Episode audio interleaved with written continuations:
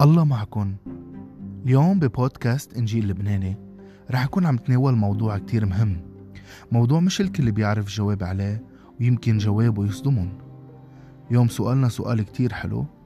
هل الكنيسة مع وهب الأعضاء؟ جواب الكنيسة كتير واضح. نعم الكنيسة مع وهب الأعضاء.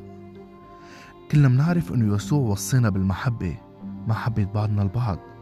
وأعظم وصية بالنسبة لكل يلي كانوا عم يتبعوا يسوع ويسألوه كانت أحبب الرب إلهك من كل قلبك ونفسك وقوتك وأحب قريبك حبك لنفسك. حب القريب منه كلمة بتتم ومنه نظرية.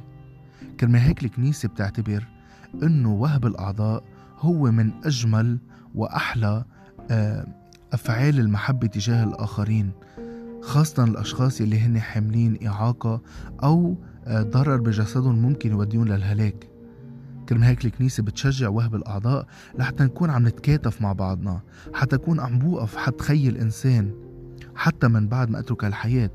لأنه عمل الخير أعمال الحب وأعمال الرحمة ما بتقتصر بس حتى أنه بس أنا وعايش كمان بتمتد لحتى من بعد ما أنا موت وأنتقل للحياة الأبدية فيني أكون عم بكفي أعمل أعمال رحمة من خلال هالجسد يلي أنا حافظت عليه كل حياتي وهون دوري دوري بإني حافظ على جسدي هالنعمة من ربنا اللي أنا بشكره عليها كل يوم إنه نحن مناح نحن ما فينا أضرار نحن ما عنا أمراض مزمنة.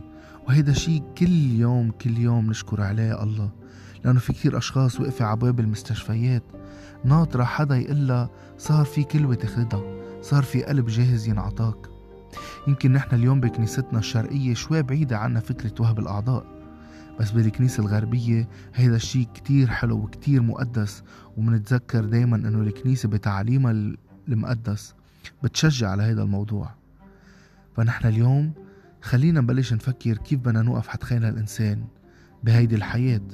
وكمان بالممات لأنه جسدنا هو عطية كتير كبيرة هو هدية من الرب لإلنا لكل الأشخاص اللي بعدنا. الرب يبارككم